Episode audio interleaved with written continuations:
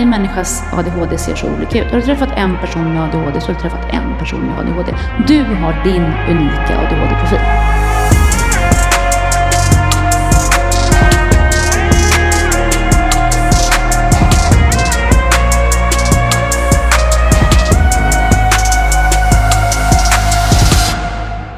Ja, det är onsdag igen. Podden heter En beroendepodd och mitt namn är Nemo Hedén. Och detta är faktiskt Sveriges största podd om beroende och medberoende. Och den här podden gör jag ihop med The House Rehab för att vi tycker att den behövs helt enkelt. Och ehm, ja, av reaktionerna och lyssnarsiffrorna att döma så verkar vi ha rätt i det. Det är så kul att den verkar hjälpa människor där ute, att så många lyssnar och att vi verkligen gör det här tillsammans. Det värmer våra hjärtan. Den här podden grundades en gång i tiden för att försöka sprida kunskap, krossa tabun och sprida lite, lite hopp ute i stugorna. Och ehm, Ja, ni får jättegärna följa oss på Instagram. Där heter vi kort och gott en beroendepodd. Dit kan ni skicka förslag på gäster, teman eller allt sånt där. Det är alltid fint när ni ger oss feedback. Och gå gärna in också på er ehm, ja, podcast podcastspelare eller vad man nu säger och eh, skicka iväg en recension eller ett betyg. Det gör också mycket för oss. Ibland så har jag mina vänner från The House Rehab här och poddar med mig. Och ibland sitter jag här ensam med en gäst. Och idag är det det sistnämnda när jag har bjudit hit en vän till mig. En kvinna som är bäst inom sitt skrå, skulle jag säga. Hon är så duktig på det hon gör att hon fick äran att vara med i min bok till och med. Där hon var min så kallade expert inom ämnet beroende och diagnoser. Ni som minns, min bok var ju uppbyggd som så att jag tog in en expert på varje tema och eh, ja, ställde lite frågor till den experten. Och ja, veckans gäst var då med där. Så det var ju väldigt fint och vi lärde känna varandra i och med det. Vi medverkade i Nyhetsmorgon tillsammans efter det. Och nu sitter hon här framför mig och ska idag prata om beroende och ADHD med mig. Säg varmt välkommen till en beroendepodd, Lotta Borg Skoglund. Stort tack och vilken fin intro. Ja, jag satte Mm. den på Ja. en tagning. Tycker jag verkligen. Den kör vi på. Ja, nu kör vi. Hur är läget? Du, det är bra. Ja, tycker jag. Mm. Kul att vara här. Ja, men Spännande. jättefint att ha dig här. Och du har ju varit önskad faktiskt. Ja, vad roligt. Ja, du sa det sist också. Och, eh, jag har varit lite flyktig, men nu är jag här. Jag försökte få dig till podden för ganska länge sedan, men då, då svarade du bara så här. Jag önskar det fanns mer timmar på mitt, på mitt dygn, sa du. Ja, och sen så sa du till mig så här, skaffa en kalender. Och när man gör det, då kanske man hittar de där timmarna också. Det har det visat sig. Nej. Mm. Så nu är jag här. När vi blev kompisar, det var snarare så. Ja. Och då, då var det lite mer så här. Och sen förstod du också hur många som lyssnade, då kom du. Exakt. Exakt. Ja, men för jag vill ju få ut det här budskapet. men Jag- såklart, de här sakerna bara. forskar jag om och jobbar med. Eh, Ja. människor som du och eh, de som lyssnar på den här podden. Eh, som jag hoppas också ska kunna ha glädje av Ja. det vi ska prata om idag. Ju. Verkligen, och jag tänker att det finns jättemycket vinning för både dig och mig att göra en sån här podd ihop. För att ehm, du har väldigt mycket att dela med dig av. Eh, Det är verkligen så. Jag tycker att du är väldigt kunnig och jag trivdes väldigt väl att sitta i Nyhetsmorgon med dig. Vi kompletterade varandra fint, där tycker jag. Och jag tycker att det är så häftigt att få flankera någon som dig, som faktiskt har egen erfarenhet. För det är där det börjar. Det är den viktigaste rösten. Och att få vara liksom den här ramen till det, eh, som i din bok eh, och som i Nyhetsmorgon, det, är, det tycker jag är otroligt häftigt faktiskt. Idag ska vi prata mm, primärt om eh, beroende och ADHD. Men jag tänker att det ändå är på sin plats att presentera dig lite.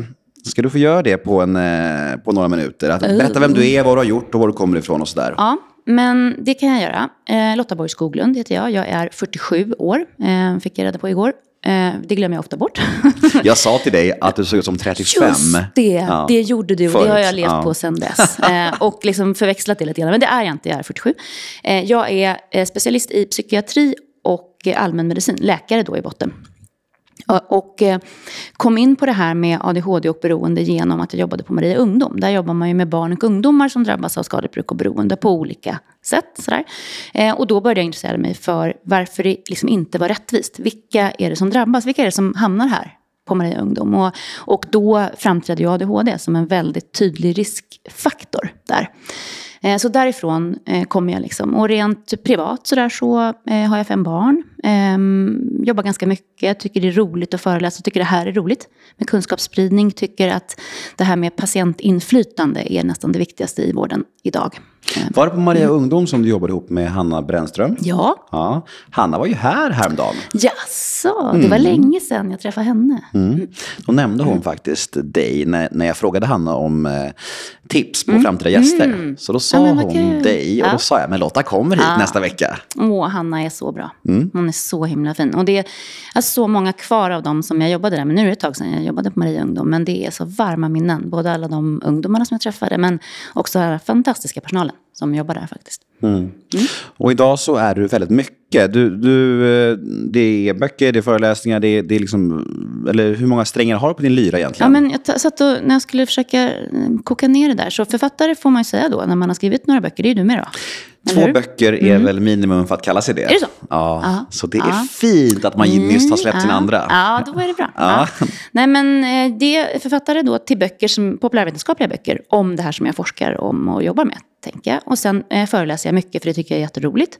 Eh, och sen är jag ju liksom kliniker, jag jobbar med patienter eh, också, på min mottagning Smart Psykiatri. Eh, och startar nu precis eh, igång ytterligare en eh, resa som heter Letter Life. Som handlar om eh, flickor, kvinnor, ADHD och hormoner och hur det påverkar den psykiska hälsan och hur man fungerar i vardagen. För det är också ett område som vi inte alls har eh, som uppmärksammat, vare sig vi i vården, eh, alltså flickor och kvinnor har berättat om det länge, men eh, vården har inte tagit våra berättelser om hormonernas betydelse på allvar, tycker vi.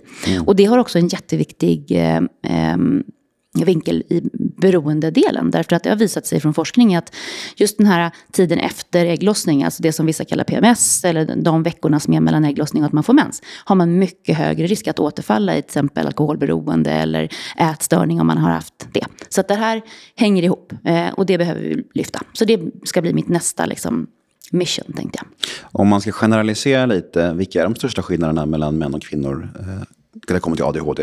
Eh, ja, men det, till ADHD så, så kan man säga att det är samma diagnos. Eh, men vi är ju i grund och botten två liksom, varianter av samma art. Eh, och det är två helt olika liksom, hormonella system som är liksom, i spel för flickor och pojkar, kvinnor och män. Eh, och det påverkar ganska mycket hur ADHD-symptomen tar sig uttryck. Så att det, det är samma, det är hyperaktivitet, ouppmärksamhet eh, och impulsivitet. Men för flickor och kvinnor så verkar det så att, att man har alltså, lite mindre av det här som syns på utsidan under de första åren när man är liksom barn. Det gör att man missas, eh, får sin diagnos senare. Eh, och att det som är hyperaktivitet, impulsivitet, hos killar är vi vana kanske att se att man springer runt eller har svårt att sitta still eller liksom hamnar i bråk och sådär.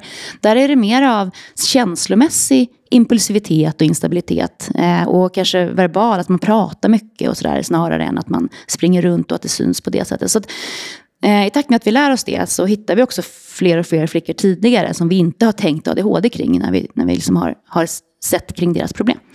De där fördomarna och den här okunskapen, det är så intressant för att även jag bär den, trots att jag själv har diagnosen sedan flera år. Eh, jag kommer ihåg att jag, jag läste någonstans att Kristin Kaspersen har fått en ADHD-diagnos för några år sedan. Och då tänkte jag så här, "Ah, hon kan ju inte ha ADHD, hon känns så lugn och hon känns så, så här städad och kontrollerad. Sen poddade jag med henne i min andra podd för en tid sedan. Och när vi hade snackat om det, då var det bara så här, Jo, vi, vi kände igen oss i allting. Liksom. Ja. Då var det verkligen så här, shit, att jag själv kan döma det fastän jag vet att det är skillnader. Liksom. Vet du, jag gör det. Jag forskar om det här, jobbar med det här, jag lever det här med könsskillnader. Både sociala, alltså så här, vad har vi för förväntningar på pojkar och flickor så här, utifrån. Och de biologiska. Och till och med jag gör det varenda dag. Så att vi är liksom produkter av, av, av att ha tänkt så så länge. Att det är liksom, ehm, ja, vi har olika tankar om hur en typisk flicka, hur en typisk pojke ska vara. Och det går över, spiller över liksom på ehm, ADHD och det spiller över också på beroendesidan ju. Alltså så här, du pratade om att, att riva och liksom, eh, motverka tabun och sånt. Och, och det, här stigmat som finns kring beroendetillståndet, eh, tillståndet, det är också olika typer av stigma kring eh, kvinnor och män, eller hur? Det, det är liksom, vi har lite större förståelse kanske för en man som liksom ballar ur och vad, vad en kille får göra sådär, mot vad en tjej gör när hon är, är berusad till exempel. Sådär. Så det finns ju sådana eh, liksom föreställningar hela tiden som, som faktiskt påverkar oss och som, som i värsta fall, om man inte bryter stigman och, och rasar, liksom, raserar tabun, så, så kan ju det vara barriärer mot att, att söka vård. Alltså mm. att man skäms så mycket eller att man inte förstår att eh, ja, det här är ett problem eller att, att det kan se ut så här för en tjej och kan se ut på ett annat sätt för en kille. Mm. Varför är ADHD och beroende så starkt sammankopplat? Det, ja, men det har vi tittat på. Det tittade vi på i min avhandling, som jag, min doktorsavhandling när jag disputerade 2015. Så, så gjorde vi en jättespännande studie, eh, tycker jag. Där vi just tittade på den här sam, eh, samvariationen. För att vad, vi ser att det förekommer sam, dels hos samma person, men också att det förekommer i familjer. Så här, I en familj där många kanske har ADHD eller där många har beroende så förekommer också den andra diagnosen oftare än i andra familjer. Så det, liksom, det går liksom i olika familjeträd. Så här, och, och vi var inte så bra på att diagnostisera ADHD hos vuxna tidigare. Så då kan man ju se så här, där, där är en familj där många barn har ADHD, så tittar man uppåt när man frågar. Så får man säga, finns det några andra i er släkt som har ADHD? Nej, ingen som har ADHD, men farmor um, hade ju problem med tablettmissbruk. Eller, och farfar drack för mycket och morfar spelade och sådär. Så att, att, att de här tillstånden liksom förekommer i samma familj har vi vetat länge. Men vi har inte vetat riktigt vad det beror på.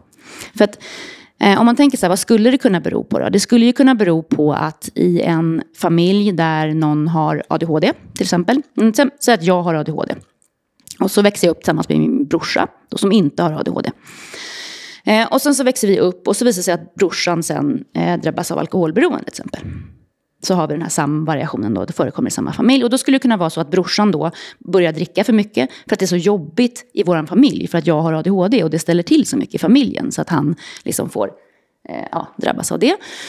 Eh, eller så skulle det kunna vara så att brorsan och jag delar genetiska liksom, riskfaktorer. Men det råkar bara vara så att han fick beroende och jag fick ADHD. Sådär. Så de två liksom, olika hypoteserna ville vi kolla på. Eh, och då kan vi kolla i svenska så här, register, så kan vi samla ihop så här, alla i hela Sverige. Och så kan vi se, okej, okay, då har vi ut eh, alla de som har eh, ADHD i Sverige. Och så kollar vi på deras första gradsläktingar, till exempel brorsan då, eller, eller mamma och pappa. Så här. Och så kollar vi, hur mycket vanligare är det att eh, någon som har ADHD också har en första gradsläkting som har, som har beroende? Och då är det dubbelt så vanligt. Så att det visar sig alltså att brorsan har, min brorsa har alltså dubbelt så hög risk att eh, få beroende bara för att han är liksom min brorsa. Mm. Eh, och då kan det bero på som sagt både att vi bor i samma familj, eh, alltså miljöfaktorer, eller så kan det bero på ärftliga faktorer och gener. Eh, och vad vi gjorde då, det var att vi tittade på halvsyskon. Och om man tittar historiskt, så när föräldrar skilde sig förr i tiden, så bodde ju barnen oftare med mamman. Och så träffade man kanske sin pappa varannan helg, eller kanske inte alls. Nu pratade vi precis in, innan om att du lever i liksom en delad vårdnad. Mm. Eh, när ni har 50-50 och bor nära varandra. Så att nu ser det ju lite annorlunda ut. Men då för tiden så såg det ut så. Och då kan man ju skapa ett väldigt spännande experiment. Där halvsyskon eh, inte delar 50% av sina gener, för det gör man med sina syskon. Men man delar 25% av sina gener med sina halvsyskon. Men med halvsyskon på mammas sida så delar man ju 100% av sin miljö, sina miljöfaktorer. För om man har samma mamma så har man legat i samma livmoder.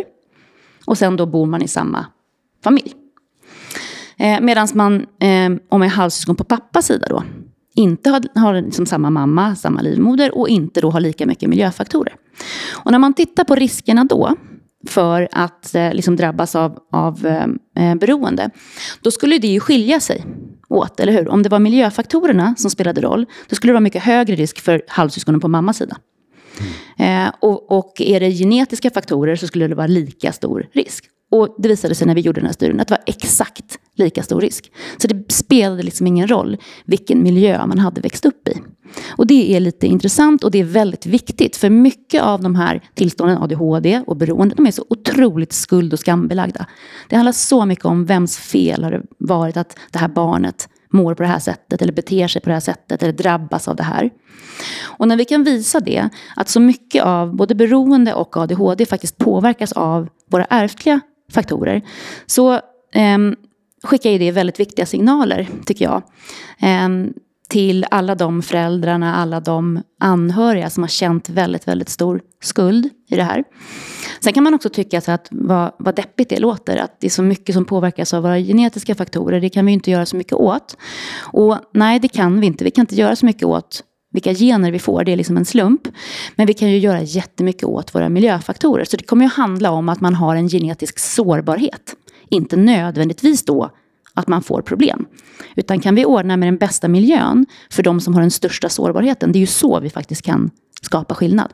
Istället för att liksom skuldbelägga varandra och prata om vems fel det är och sådär. Mm. Så jag tycker sån, sån forskning är jätteviktig. Att, vad, du frågade vad beror det på att det förekommer så ofta? Vad beror det på att ADHD är en riskfaktor? För, eh, det beror både på att man har genetiska riskfaktorer. Så det är liksom liknande områden i hjärnan som är inblandade och sådär. Men det beror också på att när man lever i en familj med eh, ADHD då har man ju också mycket liksom så här, större risk att någon andra i familjen också har ADHD. Och då blir det svårare att få till den här perfekta miljön. Så det är liksom dubbelt orättvist kan man säga. Mm. Eh, men, men väldigt begripligt. Eh, och och den, den förklaringsmodellen tycker jag måste få följa med. Eh, de som drabbas, de familjerna där ADHD finns och sådär. I alla familjer jag träffar så har föräldrarna gjort det bästa de har kunnat. Och så kanske ändå barnen har det jobbigt och tufft. Mm. Eh, så det, det, tycker jag, är, jag tycker det är Eh, jag tycker inte att det är en deppig förklaringsmodell. Jag tycker att det är en sund eh, och eh, ja, empatisk förklaringsmodell. Mm. Att vi är alla olika. Ehm, de allra flesta av oss gör så gott vi kan och ändå så drabbas några av oss av de här jobbiga tillstånden och svåra sjukdomarna som är beroende är. Till exempel. Men att folk med just diagnosen ADHD utvecklar beroende också, beror inte också på att, att de karaktärsdragen som är signifikant med just ADHD mm. är väl ja, men det här med impulskontroll. Ja, och... men det är genetiskt. Alltså, ja. De karaktärsdragen, vi, vi föds ju med olika temperament. Ja. Eller hur? Mm. Eh, och ADHD är ju det är svårt. Alltså, ibland så, så försöker jag tänka så här, vad är skillnaden på ADHD och andra psykiatriska diagnoser? Alltså, ADHD säger vi så här, det är en neuropsykiatrisk diagnos. Men vad är det för skillnad på neuropsykiatri och vanlig psykiatri om man får säga så? Det, det är som allt, finns det någon psykiatri som inte har med neuro att göra, som inte har med nervsystemet att göra? borde du veta. Nej, men, eller hur? Ja. Men, och det är, det, det, det är det ju inte. Men när vi tänker neuropsykiatri så tänker vi oss just att det är någonting som vi föds med. Det är liksom karaktärsdrag på ett sätt. Mm. Det är personlighetsdrag ju. Det är svårt att skilja ut dig från din ADHD och säga så här, vad är Nemo och vad är ADHD? Liksom. Mm. Eh, däremot så kan vi säga så här, här är Nemo som går runt i sitt liv och sen händer det kanske honom någonting och så blir han deprimerad. Då är det ju Nemo och hans depression. Och så går Nemo och hans depression kanske till, till läkaren och får behandling för det. Och så ska du bli av med din depression. Så, då är det ju liksom, det kan vi ju mera skilja, eller hur? Mm. Från eh, tillstånd som, som drabbar oss under livet. Så kan man ju säga med, med beroendesjukdomen också. Att, att den blir man ju fri från sjukdomen, kan man säga. Och så lever man med sina drag eh, som ökar risken för att man kanske drabbas igen. Mm. Eh, och många som du, som har gått igenom en beroendesjukdom, vet ju om de här sårbara sidorna och kan ta hand om sig själv mycket bättre på grund av det. Så det här är ju liksom så här, det är viktiga saker att, att reda i, tycker jag, och prata om. Just att, att eh, Vissa saker kan vi bota eh, och bli av med för gott. Andra saker blir vi liksom eh, eh friska från men bär, bär kvar på en sårbarhet som, som gör att vi behöver vara extra rädda om oss själva. Men är det inte därför också så ganska svårt att medicinera just för att det är så här individuellt? Jo. Det är inte svårt tycker jag, men, utan det är roligt och utmanande. Ja. Det gör liksom att du kan inte säga så här one size fits all, så här, här har du paketet. Så här, det går inte. För varje människas ADHD ser så olika ut. Har du träffat en person med ADHD så har du träffat en person med ADHD. Mm. Du har din unika ADHD-profil. Den byggs upp av dina drag av impulsivitet, din version av eh, vad hyperaktivitet är. Känslostyrdhet. Ja, men eller hur? Så här. Och då, då behöver vi ju tillsammans, om du och jag skulle vara liksom så patient och läkare, då behöver vi först liksom ta fram din profil. Och sen behöver vi rikta behandlingen så att den passar för dig. Mm. Men hela det här grejen med, jag tror att ordet är samsjuklighet, mm, va? när mm, det är både mm. beroende mm. och diagnoser. För det är ju en fråga vi får in ganska ofta till den här podden och det är ju en rätt svår fråga. Hur kan man hjälpa människor som kanske Ja, men vi har ett samhälle där man ska vara drogfri och nykter för att få göra en utredning mm. en period. Mm. Visst är det så? Mm. mm.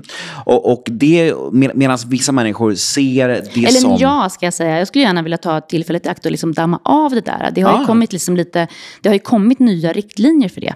Just så här, de här kraven som tidigare har funnits på personer, på patienter, att, alltså som vi ställer från sjukvården. Så här, att du, du ska lämna urinprov, du ska göra det här och det finns krav på att du ska vara drogfri så här länge och sådana där saker. Där finns det ju väldigt mycket nytt idag som håller på att liksom sippra ut i vården men som inte har nått hela vägen ut. Det är jättetydligt för jag har fortfarande patienter som kommer till mig och säger att ja, men, eh, jag blev eh, liksom avvisad, jag fick inte göra min utredning för att och sådär. Man förstår ju syftet med det, att man ska vara liksom ren i mm, skallen mm, och när man ska göra en sån men process att man behöver liksom mm, vara ren på substanser. Mm. Medan det finns många människor där ute som använder just substanser som en slags självmedicinering för att de inte, ja, för att det är liksom allvarligt. Det, det, är fel i hjärnan liksom på, på, på, dem och det är diagnoser och allt vad det nu är. Vilket hamnar i någon slags moment 22 ja. på något sätt. Yes. Vad, vad, kan man göra åt det? Vad, finns det någon lösning på det här? Eller? Ja, men det är ju det moment 22 som, som, som våra patienter har berättat för oss i alla år. Mm. Och som vi äntligen då som forskare och kliniker har faktiskt tagit på allvar och sagt så här att, vet du vad, det är ju liksom just på grund av att de här eh, liksom, tillstånden samvarierar så mycket. Att man, man har den här underliggande sårbarheten med ADHD som gör att man har så himla mycket större risk att ta till alkohol eller droger som, kanske du säger, självmedicinering. Eller att man liksom, när man testar, liksom, eh, testar ungefär, använder lika mycket som alla andra gör när de testar, är den som fastnar för att mm. man har den här sårbarheten. Eh, och så kommer man och så säger man, jag tror att jag har ADHD och jag, och jag har ju också problem med alkohol eller droger. Och så säger man så här, ja, då måste du först gå hem och själv behandla bort det här alkoholberoendet då. Och sen ska du komma tillbaka och få göra en utredning. Det är ganska oschysst kan jag tycka. Så här, då säger vi liksom åt någon att, att eh, eh, vi kommer inte kunna liksom hjälpa dig förrän du har tagit hand om det här i andra eh, problemet. Och det är ju precis det som den här samsjuklighetsutredningen också har lyft upp. Att vi hamnar i ett moment 22 då, där människor liksom dör i väntan på att få göra en utredning. De, de kanske dör i sitt alkoholberoende eller sitt eh, eh, drogberoende i väntan på, eh, för att de inte klarar av att liksom, eh, bli rena. Mm. Eh, och de nya riktlinjerna de säger just att ja, men, så här kan vi inte ha det. Utan man, vi måste kunna starta en utredning. För du har helt rätt. För att kunna göra en ordentlig ADHD-utredning, för att det ska kunna bli bra och vi ska kunna vara säkra på att resultatet är rätt, så behöver vi någon gång under utredningen ha en drogfri person mm. framför oss. Mm. Det behöver vi bland annat för att kunna göra de olika testerna, så att vi kan testa hjärnans olika funktioner och få fram din unika ADHD-profil. Så där. Då är det jätteviktigt. Vi behöver kunna bedöma din funktionsnivå i vardagen. Alltså så här, hur funkar du när du bara är du och inte är drogerna eller alkoholen? Så där. Men jättemycket av en ADHD-utredning kan man ju göra medan man väntar på att någon ska bli drogfri. Och det kan vara en väldigt eh, starkt motiverande faktor, att man känner att någonting ändå är på gång. Jag får göra den här utredningen, det har börjat. Jag kan samla in all information om dig. Mm. Sådär. Eh, vi kan prata med dina anhöriga om hur du var, och mm, var när du, innan du var liksom 12 år, när du var barn och sådana saker. Så jättemycket kan vi faktiskt börja göra. Eh, och det, det börjar nu liksom och, och eh, sprida sig mer och mer, att, att det är så vi ska tänka. Annars så kommer vi bara att liksom rulla mass, massor av människor framför oss i långa vänteköer liksom, som liksom, medan de står och väntar och faktiskt är liksom drogfria under en, under en tid liksom hinner återfalla. För att det är så jädra tufft att klara vardagen med, om man har en ADHD utan att få stöd och insatser för den. Mm. Jag tänker att vi ska beröra en het potatis nu. Mm. Du ska få lägga ut ordet om något som också väldigt många eh, frågar mig om via ja, med Instagram, DM och mail och allt nu. Mm. Det här med eh, ADHD-medicin när man har en eh, beroendehistorik. Mm. Eh, vad tänker du kring hela den frågan? Eh, jag tänker att jag förstår eh, att det kan verka kontroversiellt. Eh, för min del, som jobbar så mycket med det här och som har liksom koll på forskningen och, och liksom vad, vad faktiskt vetenskapen säger, så, så kan jag ändå tycka att jag har lite svårt att förstå att det är så kontroversiellt. Alltså, det är samma sak som med, med utredningen. Sådär. Um, det är väldigt tydligt för oss vilka patienter som det är viktigast att vi ger bäst eh, och snabbast vård. Eh, och det är de med svårast problem. Eh, och då är det oftast så att det handlar om ADHD och någon form av samsjuklighet, till exempel en beroendesjukdom. Och där är riktlinjerna supertydliga. Det Eh, vi tror, liksom så här, vi tycker inte att det är okej okay att behandla eh, någon med ADHD-läkemedel, centralstimulerande läkemedel, eh, om man inte är eh, nykter och drogfri. Men för att komma dit eh, så kan man ju behöva sin medicin. Så, och så och är vi inne i det där moment 22 igen. Eh, det, det, vi säger är liksom att det, medicinerna har oftast ingen effekt om man inte också får behandling för sitt alkohol och drogberoende. Men ibland, i vissa lägen och med liksom ordentliga säkerhetsmarginaler eh, liksom, eh, och med erfarna team av sjuksköterskor och läkare så kan man behöva sätta in medicinen när någon håller på att jobba med sin drogfrihet för att nå dit. Och sen blir själva behandlingen att, att följa upp och se att den här drogfriheten och, och eh, nykterheten är liksom varaktig. Och att medicinen faktiskt hjälper och stöttar. För det är ju ett av de viktigaste liksom, eh, sätten vi kan utvärdera att, att ADHD-medicinen fungerar. Nämligen att man klarar av att hålla sin drogfrihet och sin nykterhet. Mm. Ja, för det är ju trots allt eh, folk, även gäster i den här podden, som har eh, erfarenheter av att de har fallit tillbaka i missbruk eh, med just ADHD-medicin. Mm. Och, och, det, och det blir så svårt att argumentera. Jag hör ju vad du säger och jag mm. förstår det, men det blir ju så här, det, det, känns som att det inte är svart och vitt här. Nej, det är fortfarande det jätteindividuellt. Är, ja, det är jätteindividuellt. Och det är ju också det här som jag menar med att man måste jobba ihop med ett erfaret team. Det måste vara sjuksköterskor och läkare som kan de här medicinerna och som kan de här Eh, beroendetillstånden. För du har helt rätt, vissa personer kan faktiskt triggas att liksom, eh, få ett drogsug. Eh, och det handlar framförallt om vilken typ av medicin det är, om det är de kortverkande medicinerna. Så de är vi alldeles liksom, särskilt varsamma med. De som, är snabb, som har såna snabbt tillslag. För de liknar ju väldigt mycket, liksom, även om, om, om doserna är liksom mycket, mycket, mycket lägre, så liknar ju de ganska mycket liksom, eh, droger som man kan missbruka typ kokain och amfetamin och så. Så att kortverkande, snabbverkande ADHD-läkemedel eh, använder jag nästan aldrig när någon har haft en, en beroende problematik tidigare. För det tycker jag är för stor risk. Eh, däremot de lång, långtidsverkande eh, som liksom går in långsamt i kroppen och sen verkar under dagen och sen går ut långsamt. Där ser man inte alls den här ökade risken. Så det handlar jättemycket om vilken person vilken bakgrund har man? Eh, vilken typ av ADHD har man? Vilken typ av beroende kan, kanske man har haft? Men framförallt också vilken typ av medicin. Så där måste man kunna sina mediciner och vara liksom, tydlig så att man inte utsätter någon patient för fara. Men pysslar du fortfarande med utredningar? Ja. Mm. Är det ett mönster du kan se när du gör utredningar, att det finns hos dina klienter, eller patienter? Patienter. patienter ja, ja. Att du kan se ett destruktivt förhållningssätt till alkohol och droger hos klienterna? Ja. Patienterna? Ja, patienterna. Ja, men jag tycker så det är, det är nästan som en röd tråd i, hos ja, men de allra flesta som jag träffar med ADHD, att man har haft en problematisk relation. Mm. Man kanske inte haft ett beroende eller så, men, men man har haft en problematisk relation till alkohol, droger, eh, det kan vara spel, det kan vara sex, mm. det kan vara socker. Eh, så här, och det, eh, det är liksom det tycker jag är liksom en, en core liksom feature, en, en, som verkligen en, en, ett genomgående drag hos så många med med ADHD. Att det liksom, man, man, och man kan förstå det tycker jag när man tittar på så här, men, om du tittar på en ADHD liksom, problematik, en, en person med ADHD, eller en grupp med personer med ADHD. Och de får säga så här, vad, vilka saker är liksom de största problemen i min vardag? Då återkommer det här jättemycket med, jag har så himla svårt att reglera, det blir allt eller inget. Mm -hmm. Eh, och jag måste typ ta något för att känna mig normal. Jag kan liksom inte hitta det här mellanregistret i volymknappen av mig själv. Det är så svårt för mig både att komma igång med något jag behöver göra och att sen sluta med det, att varva ner och liksom känna någon lugn. Så, här.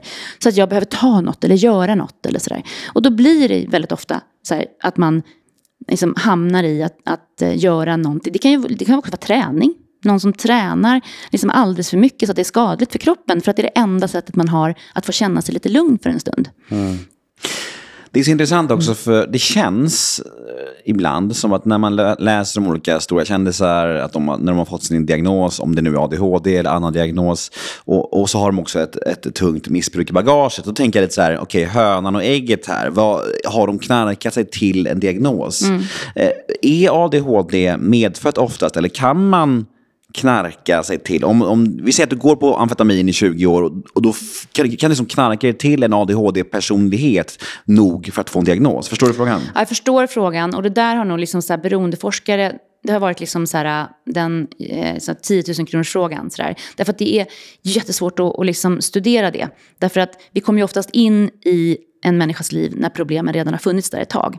Men om man, om man tänker sig så här, om man försöker hårddra det och så tänker man så här, ADHD, Eh, på engelska heter det ju neurodevelopmental disorder. Det är mycket bättre än en liksom neuropsykiatrisk funktionsnedsättning. Sex, Sexigare också. Ja, ja. eller? Ja, och sånt är viktigt. Mm. Nej, men, men, och det betyder ju liksom så att det här är, är, det här är ett tillstånd som handlar om hjärnans utveckling. Och vi tänker oss att det är medfött eller förvärvat tidigt i livet. Och för att kunna liksom sätta diagnosen rent formellt så ska man ha haft de här symptomen innan man var 12 års ålder. Just det. Eh, och det är väldigt få som har hunnit utveckla ett skadebruk och beroende av den digniteten innan 12 års ålder. Så där i kan man ju säga att ja, men, om vi ska tänka så teoretiskt så kommer ADHD först och så kommer beroendet sen. Sen finns det ju så här, till, om, du, om du beskriver ADHD-problematiken för mig, då är inte det säkert eh, att det, alla de symptomen bara beror på ADHD. Alltså en person som har varit med om ett trauma, en person som är brusad eller, eller så här, drogpåverkad har ju också svårt att koncentrera sig. Och så här, har man rökt cannabis länge så får man svårt minnet och tidsuppfattningen. Alla de här sakerna hänger ju ihop med ADHD också. Så att, och då börjar det bli svårare att reda i liksom vad som är vad. Men i grund och botten så tänker man sig att man föds med en sårbarhet. Eh, vi, vi tänker oss inte att man knarkar sönder hjärnan. Alltså hjärnan är eh, precis som övriga kroppen, så himla bra på att läka. Så vi tänker oss att när man har varit drogfri en viss tid så går man tillbaka till sitt normalläge. Och då mm. kanske det normalläget är ADHD. Mm. Förstår du? Men det är ganska få eh, personer som, som, vi, som vi tänker oss får liksom permanenta hjärnskador av sitt drogmissbruk. Eh, det kan handla om att man har drogat så länge att det tar så lång tid att komma tillbaka till sin baseline. Jag, Men det är dit man ungefär... Jag tror att jag snarare menar folk som har liksom, eh, knarkat sig till ett så här tjackigt utseende som det kan vara, finnas mm. sådana människor. Mm. Men, det, men det, det, är snar, det blir så svår fråga, för då blir det så här, mm. okej, okay, har dessa, dessa människor eh, knarkat på grund av sin ADHD? Mm. Eller har de fått ADHD av sitt knarkande? Jag skulle säga att deras ADHD antagligen har förvärrats väldigt mycket och blivit väldigt mycket allvarligare och mm. mer uttalat på grund av att de också har eh, använt droger. Mm. Eh, så, så, så skulle vi nog, så här, vi som forskar och jobbar med det, vi tänker nog att det hänger ihop på det sättet. Mm. Sen finns det ju de som så här, man kan ju få hjärnskador, man kan ju så här, så här, vara med om en trafikolycka och få en hjärnskada som gör att man kan få en massa symptom som också liksom finns i ADHD-diagnosen. Men då brukar vi inte kalla det ADHD, utan då brukar vi kalla det liksom att man har fått en hjärnskada. Mm. Vad tycker du är svårast annars då, i, just kring eh, ADHD och beroende? Vi har ju vidrört några av de här mest eh, kända heta potatisarna. Mm. Finns det några andra liksom, känsliga frågor som du tycker är extra kniviga kring det här? Och något, något som eh. ni inte blir kloka på, det något som sticker ut som är lite, ja, som en, snack, som en snackis? Liksom. Ja, men snackis är ju mycket eh, mediciner vara sig inte vara. Och mm. eh, folk som använder mediciner som inte har diagnos. Att det säljs, att det läcker räcker. Liksom, det är ju en jättestor fråga så här, eh, som, som vi jobbar jättemycket med och som är himla allvarligt när det händer. En stor oro. En annan stor oro eller knäckfråga som diskuteras mycket nu tycker jag är det här, eh, kan man bli av med sin ADHD-diagnos? Och, och eh, är det ett stort problem? Alltså människor som barn som har fått ADHD-diagnos som barn och som sen växer upp och inte längre känner att de har en diagnos. Eh, är det ett problem? Eller är det en naturlig följd av att ADHD växer bort hos vissa? Mm. Sådana saker tycker jag, det diskuteras just, ganska mycket just nu. Jag tycker det är en icke-fråga. Liksom, tittar du på återigen forskningen så ser vi att ungefär 75 procent av de barnen som uppfyller kriterierna för ADHD kommer fortsätta att ha en funktionsnedsättning i vuxen ålder. Det betyder att 25 procent borde avdiagnostiseras. De har växt ur. Och då är vi tillbaka till neurodevelopmental. Ja, de har haft ett nervsystem som har utvecklats, tagit ikapp de, de sakerna som saknades eller de sakerna som eh, är svåra när man har ADHD. Det har liksom mognat ikapp. Men är det en utveckling som sker per automatik med, med tidens gång eller är det liksom en avdiagnosering som sker för att man har jobbat med sig själv? Både och tror jag. Mm. Jag brukar tänka så här med gen, eh, gener och miljö. Jag brukar tänka så här eh, maskrosor och orkidéer. Jag brukar tänka att vi kommer till den här världen, som vi sa tidigare, så här, vi får inte välja vårt DNA. Vi får så här, 50% mamma, 50% pappa, skaka och ge. Här, det här blev du. Då kommer du till världen som ett litet frö. Och så är ditt liksom gen-DNA här, i, det är liksom i frökapseln. Och sen börjar det. Liksom. Sen börjar det, vilken jord ska vi sätta det här fröet i? Och då kan ju du komma som ett maskrosfrö och då spelar det inte så stor roll vilken jord. Vi slänger ut lite maskrosfrön, de kommer ju för sjutton upp överallt. Liksom. Och då det spelar ingen roll, de kommer upp ur asfalt och liksom så här, miljön där verkar inte vara så viktig. Men sen kan du ju komma till den här världen som ett orkidéfrö. Och då har ju du också säkert så här hemma så här orkidélik som står på fönsterbrädan. Sorgliga små liksom, eh, bruna liksom, kvistar. Som bara, jag har inga blommor va, alls. Vad hände? Liksom? Nej, Nej. Och, precis. Och inte jag heller. Eh, jag har några. Och de, så här, för att orkidéer går nämligen, har jag hört, att få att överleva om de först här, får stå i rätt väderstreck, i rätt rätt eh, här, temperatur, om de vattnas enligt en så här, religiös ritual varje fredag och de får inte liksom, planteras i vanlig jord. Det är sjukt viktigt. Vilken Jag ska, miljö. berätta, jag ska berätta en hemlis. en Jag har plastblommor. Har för jag jag har så mycket ADHD så jag har lärt mig att jag inte kan ta hand om blommor ändå. Nej, jag har också plastorkidéer, så blir de så lite dammiga och Ja, ja. assunkiga. Också Men- deppigt, men ändå, Lite blom, blommor ändå. Men Ja. det är lite bättre än inga blommor ändå. Så är det. Ja. Mm. Eller ska man ha sådana fina tapeter som du här, så blir det så nästan Verkligen. som. Ja. Nej men är du med? Så, att, så att om, då kan man så här, och, då, och då kan man tänka så här, men om, om man tänker sig att ADHD-barn är orkidéer, Mm. då kan man tänka också så här, att har vi orkidémiljö, har vi orkidé, liksom, kruka, har vi orkidénäring, då kommer ju de här att, växa upp till helt fantastiska blommor. Liksom. Och, och då är det den här sårbarheten, men får du rätt miljö så kan du ju liksom utveckla och växa ikapp och då kanske inte du har en diagnos längre. Får du tidig stöd och behandling, tänker jag. Och får du en förståelse för vem du är och får du liksom växa i en miljö där du får lyckas. Liksom. Det är ju så, tyvärr, de som jag träffar är det ju nästan alltid tvärtom. Att, att man har inte känt att skolan har funkat. Man har inte känt att andra har liksom gillat den eller att vuxna har tyckt att man har liksom varit jobbig och kompisar, man får inte vara med eller man hamnar i bråk och skolan går dåligt. Och så blir det här negativ spiral. Det är ingen bra orkidéjord. Liksom. Och då kan man förstå att, att människor liksom far ut och att miljön runt omkring blir ganska dålig. För vilka hänger man med då? Om det går dåligt för en, om man inte så här, gillar sig själv, om man har skitdålig självkänsla, så här, ja, då hänger man ju oftast inte med de som det går jättebra för och som är så här supertrygga i sig själva. Utan man letar upp andra som känner som jag och som mår som jag. För de känner man en samhörighet med. Och där är man ute liksom på den här vägen mot eh, någonting som kanske kan leda till alkohol och droger och så. Eh, sådär. Så att jag, jag tycker allting är väldigt begripligt och, och jag tycker att man ska ha en väldigt stor ödmjukhet för att det här med arv och miljö hänger ihop. Det är inte, oftast inte en slump och det är oftast ingens fel eller, eller egen vilja att man ska hamna där man har hamnat om det har gått dåligt för en. Utan det är massor av olika faktorer som samverkar i en olycklig liksom, serie. Och vi kan när som helst gå in och hjälpa till att bryta den här serien om vi ser det för vad det är. Men är medfött i regel? Eh, vilket? ADHD? Ja, men jag tänker så. Vi tänker oss att det är en väldigt stark genetisk sårbarhet. Så det är i det här fröet. Men sen beroende på vad du sätter det här fröet i för jord. Så kommer det här att kunna växa upp till en ADHD, ett ADHD-problem. Eller kanske till en framgångsrik entreprenör. Vad vet jag? Liksom. Alltså förstår du? Beroende på eh, vad det här liksom, lilla fröet eh, hamnar i för jord och hur väl vi vattnar och sköter om den här lilla rabatten. Och så tänker jag, men jag tän- tänker vårt samhälle som en sån här rabatt. Eh, Att vi, kommer liksom, vi föds med massa olika förutsättningar och sen ska vi liksom försöka se till att så många som möjligt av våra barn får så bra jord som möjligt. För då kommer det att istället för eh, liksom ADHD-blommor kunna, kunna växa upp personer som kan utveckla sina de här sidorna. Eh, kanske inte göra så mycket åt de här ADHD-dragen man har, men de kanske inte får göra så mycket skada heller, utan man kan utveckla de starka sidorna som man har. Alla, du är ju inte bara dina ADHD-symptom, du är ju så mycket annat också. Och när du får växla upp på dem och inte hela tiden gå på nitar på grund av dina ADHD-symptom, då kan ju du runda faktiskt din ADHD. Du kan inte, oftast inte växa bort och oftast inte behandla bort den och sådär. Det är, ingenting, alltså det är ingen sjukdom, vi behandlar inte bort eller botar ADHD. Utan vi liksom ser det för vad det är, vi lär oss om oss själva, vi ser våra barn för vilka styrkor och svagheter de har. Där svagheterna och sårbarheterna kanske är ADHD-symptomen, men styrkorna är några helt andra. Och så ser vi till att det här barnet får växa tillsammans med sina styrkor och vi ha- hanterar och, och buffar och lindar in i bomull det som är de sårbara sidorna. Så man kan säga att jag, jag hade det från start, men hade jag fått liksom, eh, bättre omgivning, bättre riktning från start så hade jag kunnat blomma också från start. Nu fick jag ta en väldigt stor omväg på grund av att jag hade en ganska stökig barndom och oroligt hem och så. Inte så bra förutsättningar. Men, men att det hade kunnat, lika gärna kunnat, kunnat vara så. Ja, jag tänker så. Och då är vi där igen. Så här, varför hade du ett stökigt hem då? För att För att, min, för inte... att min pappa har ADHD. Men- Och missbruk. Ja, Ja. eller hur? Ja. Och det är ingen slump. Nej, Och, så, så så att, och då skulle jag vilja säga så här, jag har inte träffat din pappa, men jag har otroligt svårt att tro att han ville ge dig en stökig barndom. Min pappa men han var- kämpade säkert med sina egna svårigheter. Exakt, exakt. Min pappa är jättefin. Han har varit nykter och drogfri nästan 20 år och han fick sin ADHD-diagnos härom året. Ja. Ja. Ja. Men är du med mig då på den här, så här arv och miljödelen?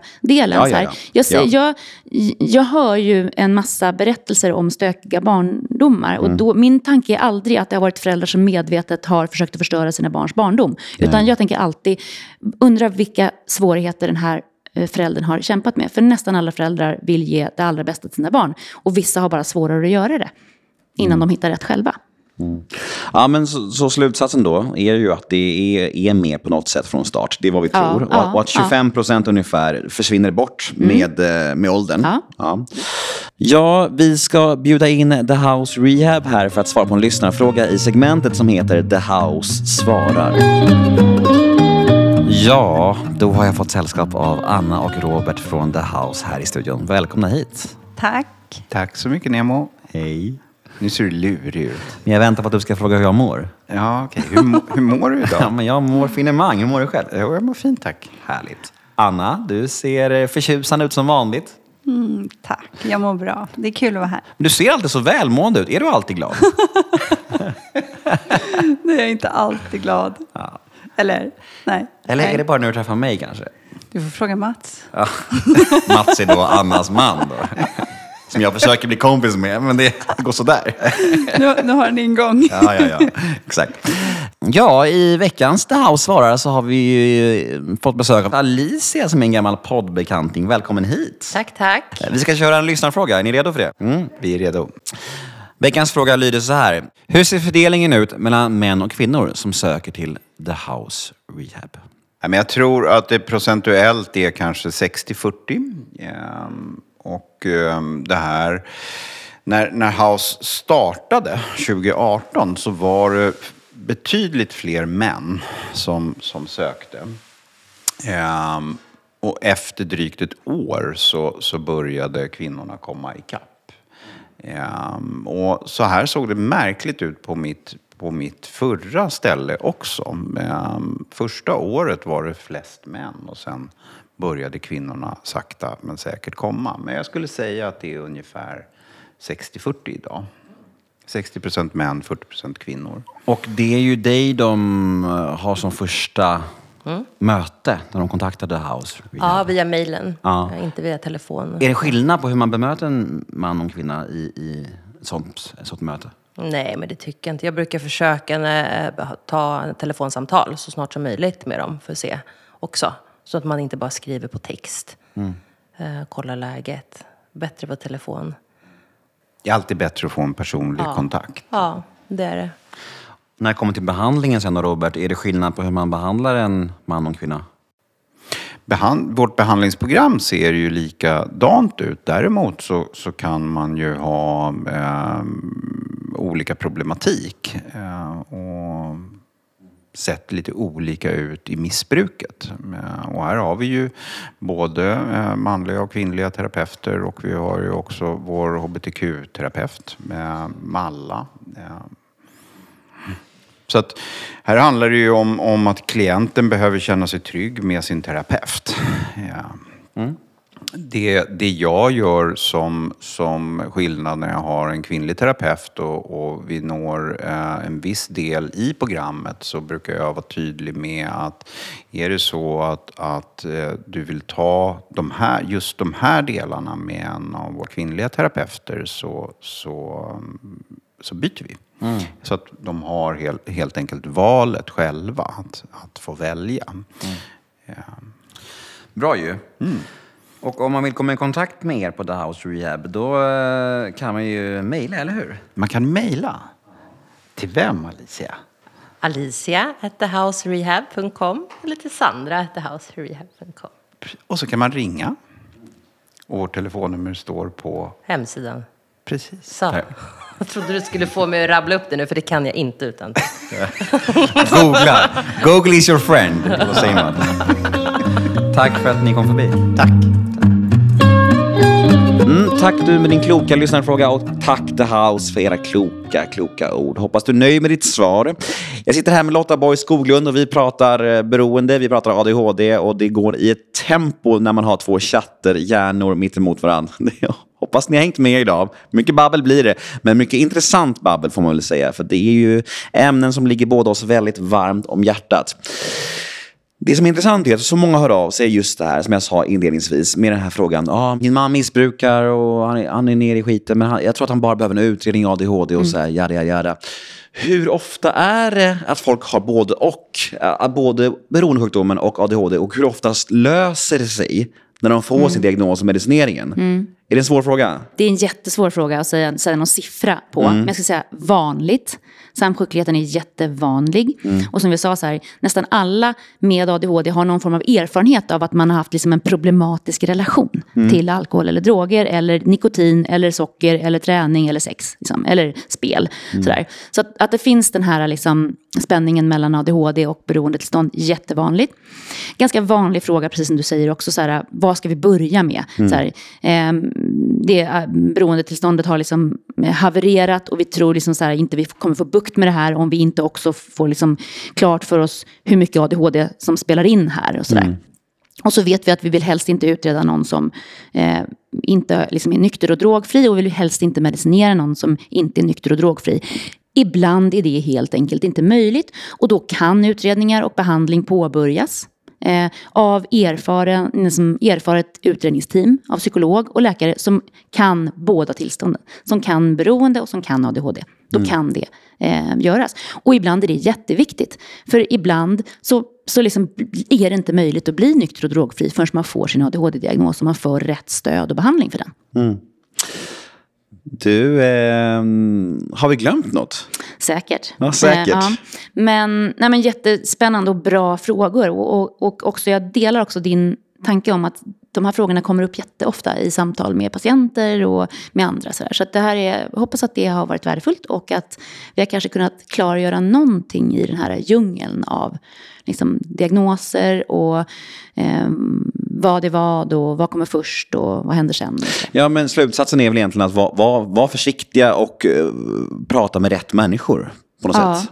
Alltså, kräv att få evidensbaserad vård, tycker jag. Alltså så här, stå på dig som ehm, patient och som anhörig. Ehm, jag tycker ju att, jag har jobbat så länge med beroendefrågor, jag tycker, jag tycker att så många av, av dem jag har träffat har blivit behandlade liksom lite grann som andra klassens patienter. Sådär. Och det, det är också det som eh, jag tror gör att man får ganska dåligt självförtroende och har ganska låg tilltro till vården. Så jag, jag tycker liksom att man ska räta på ryggen, man ska se beroende som en, liksom, en, riktig medicinsk diagnos som man har rätt att få rätt behandling för den senaste och den liksom, behandlingen som, som det finns liksom, forskning och vetenskap bakom. Mm. Och eh, inventera era motiv varför ni gör saker. Så tänker jag också för att det här med att vara rädd för medicin när man har beroende i bagaget. Har man rätt motiv, eh, då eh, har man nog inget att vara rädd för heller. Jag tänker att om man tänker så här, om jag vill ha mediciner för att jag vill ha någonting att kicka på igen. Då är man ju rätt snett ute. Ja. Men, men med att till exempel jag gjorde min utredning för ADHD för att jag hade blivit förälder, det blev rörigt i skallen och jag behövde liksom hjälp med att hålla ordning på saker. och så här. Då blir det att jag, motiven är en helt annan sak. Ja. Jag tror motiven i de här känsliga frågorna är jätteviktiga också. Du, det där är jättebra. Rätt person, alltså rätt medicin, rätt liksom, ehm, val av medicin eh, och rätt motivation. Där har du det nog tror jag. Liksom, då, då är medicin säker och effektiv. Men inte för alla.